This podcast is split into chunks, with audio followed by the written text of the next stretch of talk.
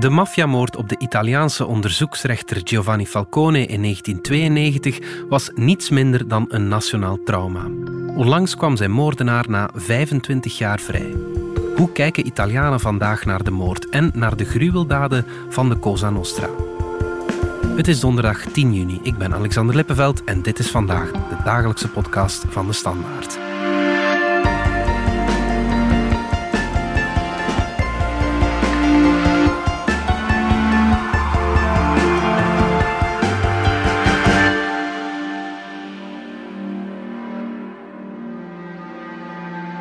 Ine Rooks van onze buitenlandredactie.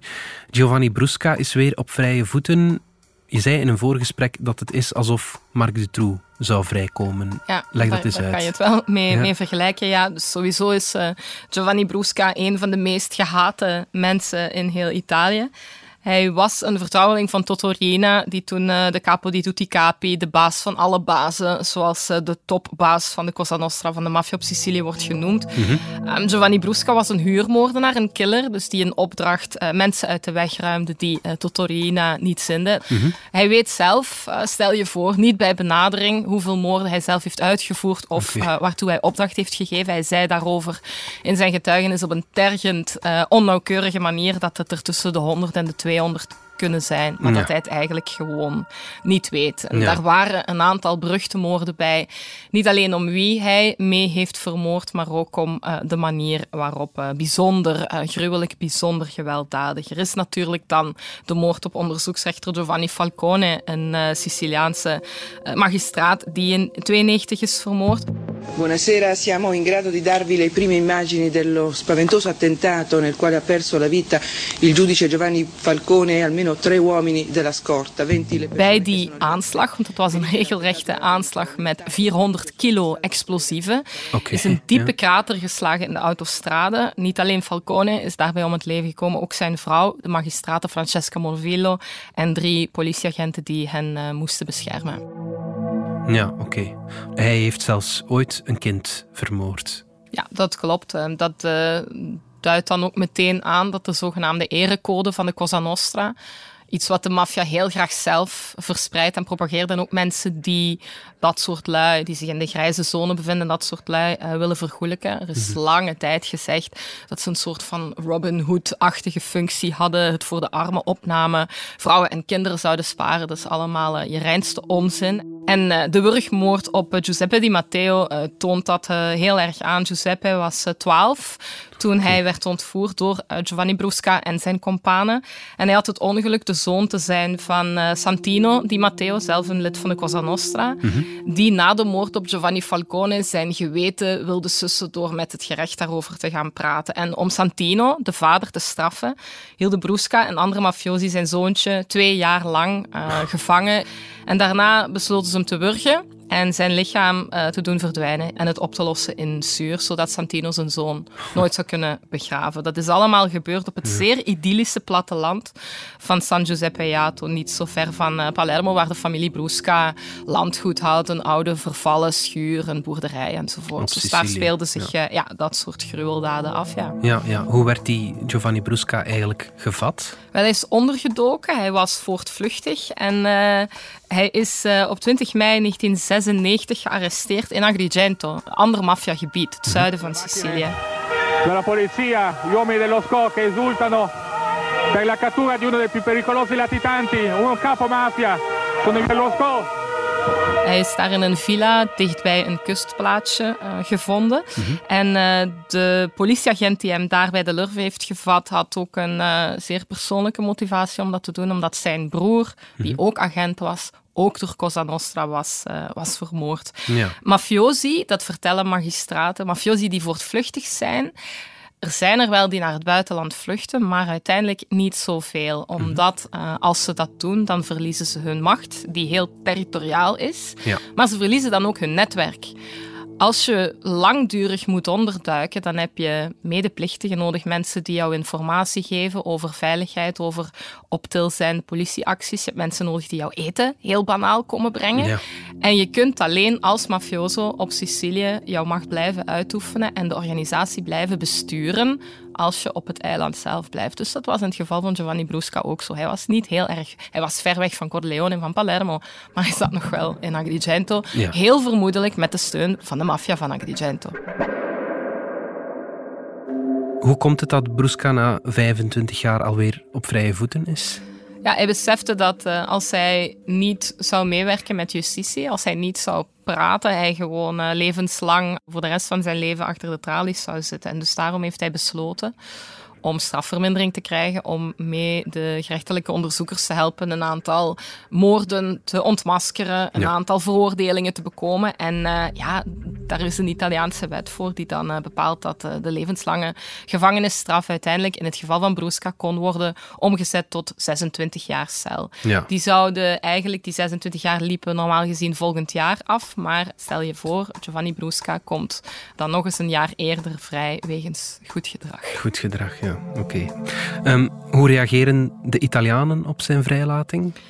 Wel, het is, uh, het is toch wel een uh, schok die door Italië is gegaan. Heel gemengde reacties. Heel veel politici hebben zich uitgesproken. Mhm. Van uh, Matteo Salvini van de Lega, die zei dit is niet uh, de gerechtigheid waar de Italianen uh, recht op hebben. Ook de burgemeester van Rome, Virginia Raggi, heeft gezegd dat het een schande is. Mhm. Letta, de oud-premier Enrico Letta, die heeft ook gezegd zeer verontwaardigd te zijn. Ook de weduwe van een van de politieagenten, hoofd van de escorte van Giovanni Falcone, was heel verontwaardigd. Mhm. Zij is uh, Tina Montinaro, heet zij. Zij zei, wij kennen nog altijd niet de hele toedracht van, van de moorden, van de aanslag die toen heeft plaatsgevonden. En dat is wel de man die mijn gezin heeft verwoest. En hij is nu wel, wel vrij. Ja. Maar opvallend vond ik toch wel de familieleden van de rechter zelf, van Giovanni Falcone en van Paolo Borsellino, zijn collega die in uh, juli datzelfde jaar, ook in 1992, zou worden vermoord. Die, mm -hmm. die reageerden toch wel anders. Ja, oké. want de ironie is dat Brusca nu vrijkomt door een wet waar Falcone zelf grote voorstander van was. Ja, klopt. Giovanni Falcone is ook een uh, onderzoeksrechter die zei follow the money. Mm -hmm. Volg het geld, uh, leg de structuren bloot, ja. graaf dieper. We moeten die structuur in kaart brengen. We moeten weten hoe de macht precies is georganiseerd. En we kunnen dat niet doen zonder medewerking van binnenuit. Dus ja. daar was Giovanni Falcone heel erg van overtuigd. En hij zei, hij vond ook, en dat vond Paolo Borsellino, zijn collega ook, dat daar dan iets tegenover moest staan. Want anders praat de mafiosi niet.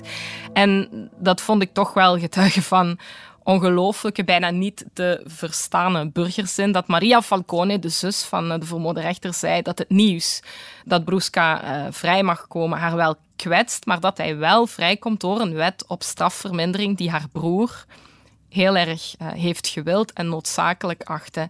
En hetzelfde geldt voor Salvatore Borsellino, die de broer is van Paolo Borsellino, de magistraat die ook werd vermoord. Mm -hmm. Hij zei ook, het nieuws raakt hem uiteraard heel sterk, maar dura lex, set lex, de wet moet worden gerespecteerd, ja. ook als hij heel hard is. En dat is toch heel opvallend, dat ja. ja de zus en de broer van de betreurde rechters zeggen, dit is uiteindelijk wel wat zij mee hebben gewild. Ja. Mm -hmm. En het grotere goed zien, het ja. grotere belang zien ja. van uh, de strijd tegen die uh, georganiseerde van, misdaadorganisatie. Ja. Dat getuigt van burgerzin, inderdaad, mm -hmm. zoals je zegt. Hoe zullen de Italianen omgaan met een vrije Giovanni hm. Brusca? Om het scherp te stellen, Ine, overleeft hij zijn vrijlating wel? Goh, ja, ik denk dat de kans... Uh, Santino Di Matteo, de, de vader van de betreurde Giuseppe Di Matteo, de jongen die werd gewurgd, die zei, ik uh, hoop uh, of ik bid aan God. heel veel mafiosi en ex-mafiosi zijn bijzonder devoot. Je, je, mhm. moet je afvragen hoe dat mogelijk is, maar ze beweren gelovig te zijn. Mm. Uh, die zegt, ik bid aan God dat ik hem nooit tegenkom, want dan sta ik voor mezelf niet in. Uh, Giovanni Brusca gaat natuurlijk niet onder de naam Giovanni Brusca in Hartje Palermo wonen. Hij, waarschijnlijk gaat hij uh, een, een, nieuwe identiteit krijgen. Hij gaat ergens leven op een manier waarop hij ja, heel vaak over zijn schouders zal moeten kijken voor zijn slachtoffers en voor zijn voormalige mede-companen. Uh, hij gaat niet alleen onder strikte controle staan, maar hij gaat ook bescherming krijgen, mm-hmm. omdat hij daar uh, ja, recht op heeft. Want natuurlijk zijn er uh, best wel mensen wat hem een kopje kleiner zouden willen maken. Maar goed, hij gaat bescherming krijgen, hij krijgt een nieuwe identiteit. Voor hem zal het wel loslopen. Wat tragischer is, is dat ook maffia-getuigen... En dat zijn mensen die nooit in de georganiseerde misdaad hebben gezeten, maar besluiten na bedreigingen, na doodsbedreigingen, na intimidaties, na afpersing, om met justitie te gaan samenwerken, Mhm. die vergaat het niet heel anders. Die moeten soms ook van identiteit veranderen, verhuizen, hun familie achterlaten, omdat ze hun leven niet veilig weten. En dat voor mensen die gewoon eigenlijk de wet willen volgen en eerlijk en eh, oprecht leven willen leiden, ja, die vergaat het soms niet anders. Dus met hen eh, mogen we misschien toch wel wat meer mededogen hebben dan met een meervoudige beul en moordenaar als Giovanni Brusca.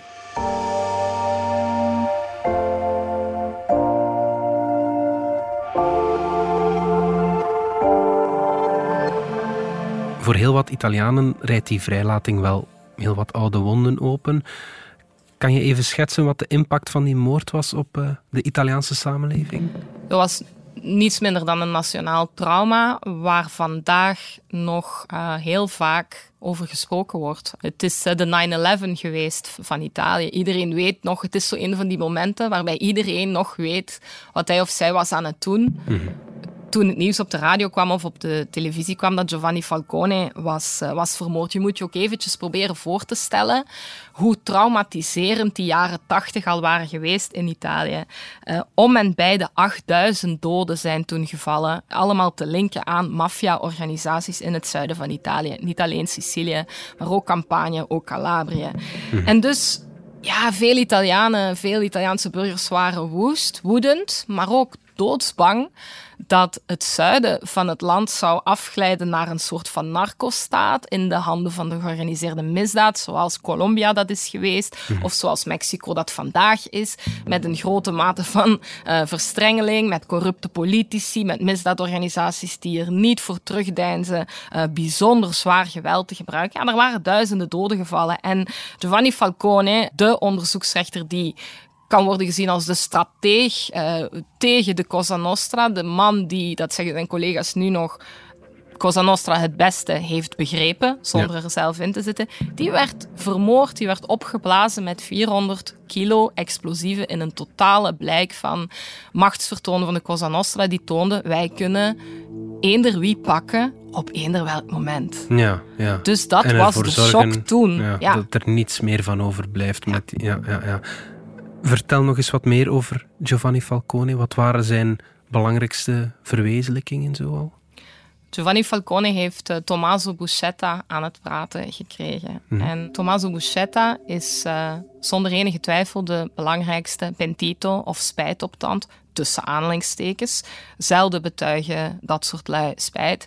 Tommaso Buscetta was een lid van de Cosa Nostra. Die heeft besloten met justitie te gaan praten uit wraak tegen Totorina, de baas van eh, Giovanni Brusca, die dus is vrijgekomen, omdat Totorina zijn halve familie had laten uitmoorden. Dus Buscetta had een heel persoonlijke agenda om te gaan praten. En hij is met rechter Falcone gaan praten en heeft niet alleen, zoals Brusca heeft gedaan, een aantal moorden opgebiecht en eh, licht geschenen op maar wat Tommaso Buscetta heeft gedaan, was veel belangrijker omdat hij de structuur van Cosa Nostra heeft uitgelegd. Hij heeft als het ware, zei een andere magistraat, het licht voor ons aangestoken in de kamer waarin wij waren aan het zoeken naar wat Cosa Nostra was. Hij heeft uitgelegd dat het een piramidestructuur is, dat er een commissie aan het hoofd staat. Hij heeft uitgelegd hoe de zaken liepen, hoe ja, je op het laagste niveau soldaten hebt en op het hoogste niveau bazen, dat daar ehm, over bepaalde straffen, over doodstraffen samen wordt beslist enzovoort. Dus Buscetta hielp Falcone Ja. om eh, Cosa Nostra in eh,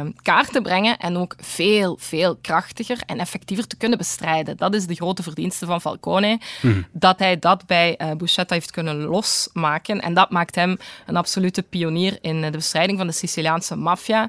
En, en ook een, ja, een visionair in hoe Ja. justitie best georganiseerde misdaad niet ad hoc altijd moet aanpakken, maar op een gestructureerde manier. We zijn terug na de reclame. Marianne Justaart, jij komt er even bij zitten. De stem van onze podcastreeks Buitenbaan. Ja. Hoe loopt het? Ja, het loopt eigenlijk heel erg goed. We krijgen toffe reacties. Het is ook echt heel leuk hoe de mensen allemaal hun hart hebben geopend. Nog twee afleveringen te gaan. Wat komt er dit weekend aan? Dit weekend het verhaal van Ahmadullah, of kortweg Ahmad Zalal. Een eh, Afghaanse jongeman die uiteraard een vluchtverhaal heeft, maar ook een heel bijzonder onderwijsverhaal. En wat hem speciaal maakt, maar ik ga nu zien dat ik nog niet te veel verraad natuurlijk, is dat hij op de rand staat uh, of op een zucht van misschien wel het belangrijkste doel dat hij in zijn leven ooit gehad heeft. Oké, ja, ja, ja. En waar eindigen jullie mee? Dat is dan de week daarna. Op zaterdag 19 juni hebben we het verhaal van eh, uw lievelingsverhaal, Alex. Ja, inderdaad. Van uh, de koersende 40-jarige vrouw, uh, dus Barbara, die op haar 40ste ontdekt heeft dat ze in de wieg is gelegd voor topsport en besluit de tijd te trotseren. Ja, een geweldige tijdrit. Dat is het ook geweest voor jullie. Absoluut. ja, goed. Oké, heel benieuwd naar. Dankjewel. Jij bedankt.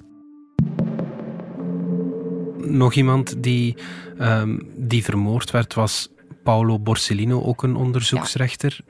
Wie was dat juist? Ja, waren boezemvrienden. Mm uh, ze dachten op politiek vlak er anders over. Okay. Uh, Borsellino was meer een, uh, aan de rechterzijde ja. qua overtuiging. Uh, Giovanni Falcone was links. Hmm. Maar over de georganiseerde misdaad dachten ze precies hetzelfde: dat die met wortel en al moest worden uitgeroeid. Ze komen uit Palermo allebei, ze groeien daar ook op. En het worden verbeten anti-maffia-jagers. Je moet je voorstellen, Alexander, ze hadden samen een grootschalig proces tegen de georganiseerde misdaad gevoerd. Falcone wordt dan opgeblazen met zijn escorte, met zijn vrouw. Ze zijn ook bewust kinderloos gebleven, omdat ze niet wilden het risico lopen dat hun kinderen wees zouden worden. Dus zo hebben die mensen al geleefd bij leven. Stel je dan voor dat je achterblijft, zoals Paolo Borsellino. Dan weet je dat het niet lang meer zal duren. Wat heeft Paolo Borsellino gedaan? Uh, in de sfeer daar rond heeft hij gezegd dat hij voortging, dat hij natuurlijk wel bang was, maar dat het belangrijker was om moedig te zijn. Ja. En hij is verder gegaan en uh, op 19 juli wilde hij een bezoekje brengen aan zijn moeder en onder haar keukenraam heeft Cosa Nostra dan ook hem opgeblazen. Oké, okay, ja. ja. De aanleiding voor de moorden was het Maxi Processo. Wat was dat juist? Dat was echt een mega proces tegen de Siciliaanse maffia dat Falcone, Borsellino en het hele team rond hen heeft, uh, heeft gevoerd. Je moet je voorstellen, honderden mafiosi stonden toen, stonden toen echt terecht. Hmm. Er is een speciale rechtszaal gebouwd naast de gevangenis van Palermo om die ja, die zware criminelen, die levensgevaarlijke criminelen, elke dag weer naar de rechtszaal te brengen. Want ja, stel je voor dat dat een paar kilometers verderop moest gaan. Stel je maar de politie combis elke dag voor die daar met topcriminelen, honderden, het waren er in totaal ja, 342 uiteindelijk die veroordeeld zijn, voor in totaal 2665 jaar gevangenis. Okay. En dus dat was uh, een gigantische klap. Uh, daar stonden de loopjongens terecht, maar ook uh, de absolute bazen van de Cosa Nostra. En ja, dat, dat is dus iets wat Falcone en Borsellino samen hebben gedaan. De reden dat Falcone is vermoord is dat in 1992 in cassatie, waarbij de mafiosi dachten wij hebben toch wel onze mannetjes binnen in het systeem. Wij worden vrijgesproken, dat dat niet gebeurt. Dus, dus in 1992 worden die uh, talrijke gevangenisstraffen ook nog in uh, cassatie bevestigd. Ja. En dat wordt gezien als de rechtstreekse aanleiding voor de moord op uh, Falcone. Ja, oké. Okay. Waar zie je vandaag nog de invloed van Falcone en Borsellino? En die invloed is wel heel groot, want je kan spreken over een voor- en na-akkoord. Hmm. Er is nog altijd georganiseerde misdaad in Italië. Cosa Nostra bestaat ook nog altijd. Maar is uh, al geruime tijd voorbijgestoken als machtigste misdaadorganisatie door de Drangheta mm uit de Calabrië, die ook uh, heel internationaal vertakt is. Ook de Camorra in uh, Campania is nog lang niet uitgeroeid, maar er is toch wel veel veranderd, omdat het fenomeen bespreekbaar is. Mhm. Dat is het heel lang niet geweest. Ik las nog, naar aanleiding van uh, de sterfdatum van Giovanni Falcone, op uh, de Facebookpagina van een vriend, een Siciliaan die nu in uh, België Italiaans doseert, Mhm. dat hij naar de middelbare school ging in 1992 en dat er niet over de maffia werd gesproken, daarvoor niet en daarna niet. Mhm. En er is nu, als we nu terugkijken, toch wel een grote verandering in de geest, in de psyche. De Italianen praten heel veel over de maffia. Het is heel erg bespreekbaar. Je hebt heel veel boeken, documentaires. Je hebt ook heel veel mensen die altijd die sterfdata in herinnering brengen. Ja, en dat is iets wat, uh, wat Paolo Borsellino ons Mhm. allemaal heeft uh, opgedragen te doen. Hij zei, een van zijn bekende aforismen is spreek erover op de radio, op tv, spreek erover in de kranten, maar spreek erover, zwijg het niet dood. En dat is ja, iets wat wij nu al zijn aan het doen. Ja. En voor Falcone is uh, de grote verwezenlijking is dat strategische van hem, die gestructureerde aanpak. Falcone heeft maffiabestrijding in Italië heel sterk gedecentraliseerd. Wat betekent dat nu? Als gevolg van uh, de, de, hervormingen, want hij heeft ook bij het ministerie van Justitie gewerkt in Rome. Uh, wat betekent dat nu Cosa Nostra en maffiabestrijding heel lokaal is in Italië. Mm -hmm. Met uh, gespecialiseerde politieagenten en gerechtelijke onderzoekers die in teams op niveau van districten, gerechtelijke arrondissementen, samenwerken. Ja. En dat maakt hen veel efficiënter en daadkrachtiger in de strijd tegen de organiseerde misdaad. Er wordt ook gezegd dat de Italianen door zoveel expertise die ze hebben in de strijd tegen georganiseerde misdaad en ook een heel vergaande anti-maffia-wetgeving die uh, zonder weerga is in Europa. Andere landen hebben die gewoon niet. Mm -hmm. Niet op dezelfde manier. Er zijn heel veel onderzoeksdaden die mogelijk zijn in Italië die in het buitenland niet mogelijk zijn. Ze kunnen heel ver gaan. Mm -hmm. Sommigen zeggen zelfs te ver voor de privacy. Ja. Maar daardoor is al die expertise, ja, wordt gezegd, misschien ook wel nuttig om met terrorisme om te gaan. Want er is, houd vasthouden, nog altijd geen grote nee. uh, terreuraanslag in Italië gebeurd in moderne tijden. Uh, mm. Er is extreem linkse terreur en extreem rechtse terreur geweest in de jaren 70 en de jaren 80, maar niet, niet zoals wij dat in terreur vandaag. Brussel en Parijs Precies. hebben gezien. Ja, ja. ja, ja. En dus die expertise, die loont wel, mm. wordt dan gedacht. Ja, oké. Okay. Sappiate che anche per voi c'è possibilità di perdono. Io vi perdono, però mi dovete mettere in ginocchio. Se avete il coraggio di cambiare. Dat was de weduwe van Vito Schifani, een van de politieagenten van de gewapende escorte die samen met Falcone werd vermoord. Hoe gaat Italië vandaag om met de Cosa Nostra vergeleken met 25 jaar geleden? Ja, dus wat, wat de weduwe van Schifani hier al zegt in 1992, nogmaals, toen uh, was het helemaal niet zo vanzelfsprekend om je woede uit te schreeuwen mm-hmm. tegen de Cosa Nostra. Zij doet dat op de uitvaart van haar man, die samen met uh, Giovanni Falcone wordt, uh, wordt begraven. En zij zegt daar jullie moeten berouw tonen, jullie moeten stoppen met jullie misdaden te plegen. Dat was een heel aangrijpende schreeuw om rechtvaardigheid in die kerk toen. En die periode heeft veel meer maatschappelijke bewustwording uh, gecreëerd. Onder meer door Falcone en Borsellino, maar ook door al die andere burgers. Mm-hmm. Er zijn heel mooie initiatieven gekomen. Onder meer er is een petitie gekomen die heeft geleid tot een wet waardoor nu, en de Italiaanse overheid is daarin meegegaan, maar dat was een initiatief van burgers. En uiteindelijk, vandaag, als mafiosi definitief worden veroordeeld, dan worden hun bezittingen, hm. en in het zuiden van Italië is dat vaak landgoed, ja. boerderijen, dat zijn wijngaarden, dat zijn uh, ja, graanvelden waarmee dan pasta wordt gemaakt, wordt dat verbeurd verklaard en in beslag genomen. En de Italiaanse overheid schenkt dat aan aan een uh, sociaal doel, een sociaal-economisch doel met een meerwaarde. En uh, ja, op die manier, het is heel uh, speciaal om uh, bijvoorbeeld in de voormalige boerderij van de familie Brusca, dus van Giovanni Brusca en van zijn vader uh, Bernardo, ook een notoire mafioso, daar kan je nu gewoon gaan eten en blijven logeren. Ik heb okay. dat al een paar keer gedaan. Ja. dat is een heel mooie uh, en aangename moeite, omgeving. Ja. ja. dat is de moeite. Ja, Omdat uh, je ziet dan gewoon ook die omgeving. Je ziet, dat, is, dat is heel pittoresk, maar dat is ook ongelooflijk afgelegen. En je ziet dan ook waar al die bunkers en schuurtjes in dat platteland liggen, waar voortvluchtige mafiosi soms decennia zitten. Je kan je ook dan voorstellen waar de arme uh, Giuseppe Di Matteo aan zijn einde is gekomen. Je ziet gewoon, je krijgt een beter beeld van hoe die plek eruit ziet en hoe het kan dat iemand zo lang voortvluchtig kan zijn met hulp. En dan heb je, ja, je hebt daar dan wijntoerisme, je hebt daar dan een organisatie die Libera Terra heet, Vrij Land. En mm. dat uh, is een organisatie, een landbouworganisatie met heel veel jongeren die daarin werken, die uh, heel geëngageerd zijn en nu aan wijnbouw doen, uh, pasta kweken, dus graan produceren voor pasta. En dat is een uh, ecologisch label, dus uh, het is bio-landbouw. Ja. En het is dus ethisch, heerlijk en eerlijk, zeggen zij. Ja, ja.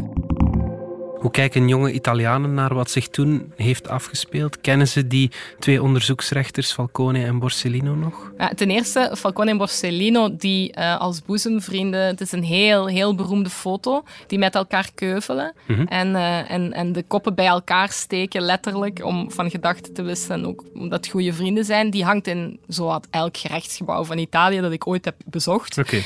Uh, bij elke antimafia-magistraat hangt de foto van de voormalige vrienden. Ze zijn de nationale voorbeelden van hoe het ook kan, van, zoals we al eerder zeiden, van een ongelooflijke zelfopoffering en burgerzin. Er wordt op school nu wel over gesproken. Ook bijvoorbeeld dat maffia-landgoed, het voormalige maffia-landgoed in eh, San Giuseppe Jato van de familie Brusca, daar komen jaarlijks honderden scholieren op schoolreis mm -hmm. om te gaan praten met getuigen, met maffia-getuigen, met mensen die het overleefd hebben. En dat maakt op heel veel kinderen en scholieren een grote, een grote indruk.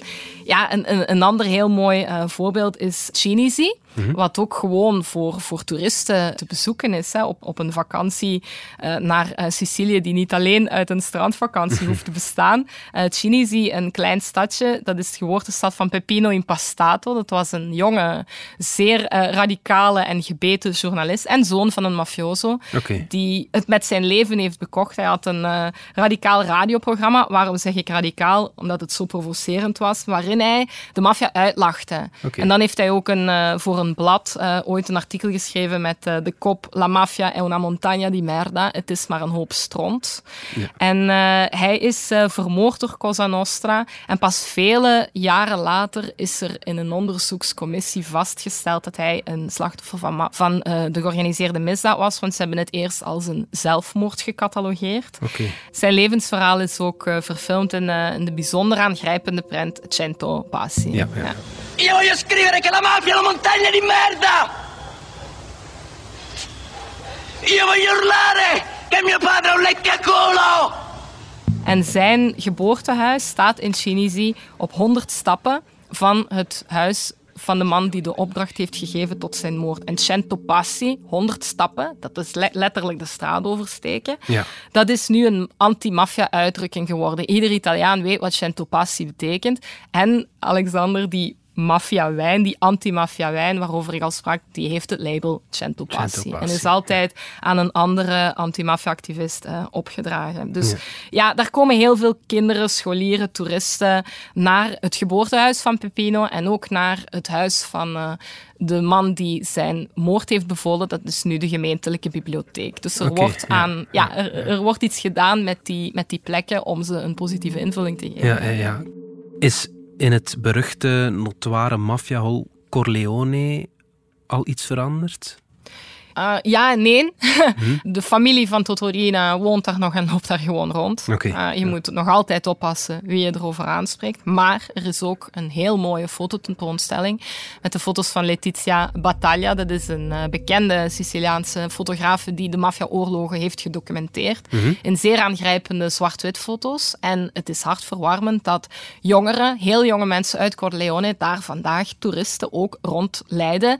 En die foto's duiden en daar hardop over praten en zelf zeggen, onze ouders zouden het niet hebben gedurfd. Mhm. Dat, dat die jongeren daar nu over praten, dat ze dat willen, dat ze dat durven doen, dat ze daar ook uh, vrijwilligerswerk in doen of zelfs de kost mee verdienen, dat is echt absoluut een grote stap vooruit en een verwezenlijking. Mhm. En dat betekent volgens mij ook dat de erfenis van de magistraten Falcone en Borsellino, die zij praten erover en zwijg het niet dood, Mhm. vele malen groter is dan die van gangsters als Totorina en Giovanni Brusca. Oké, okay.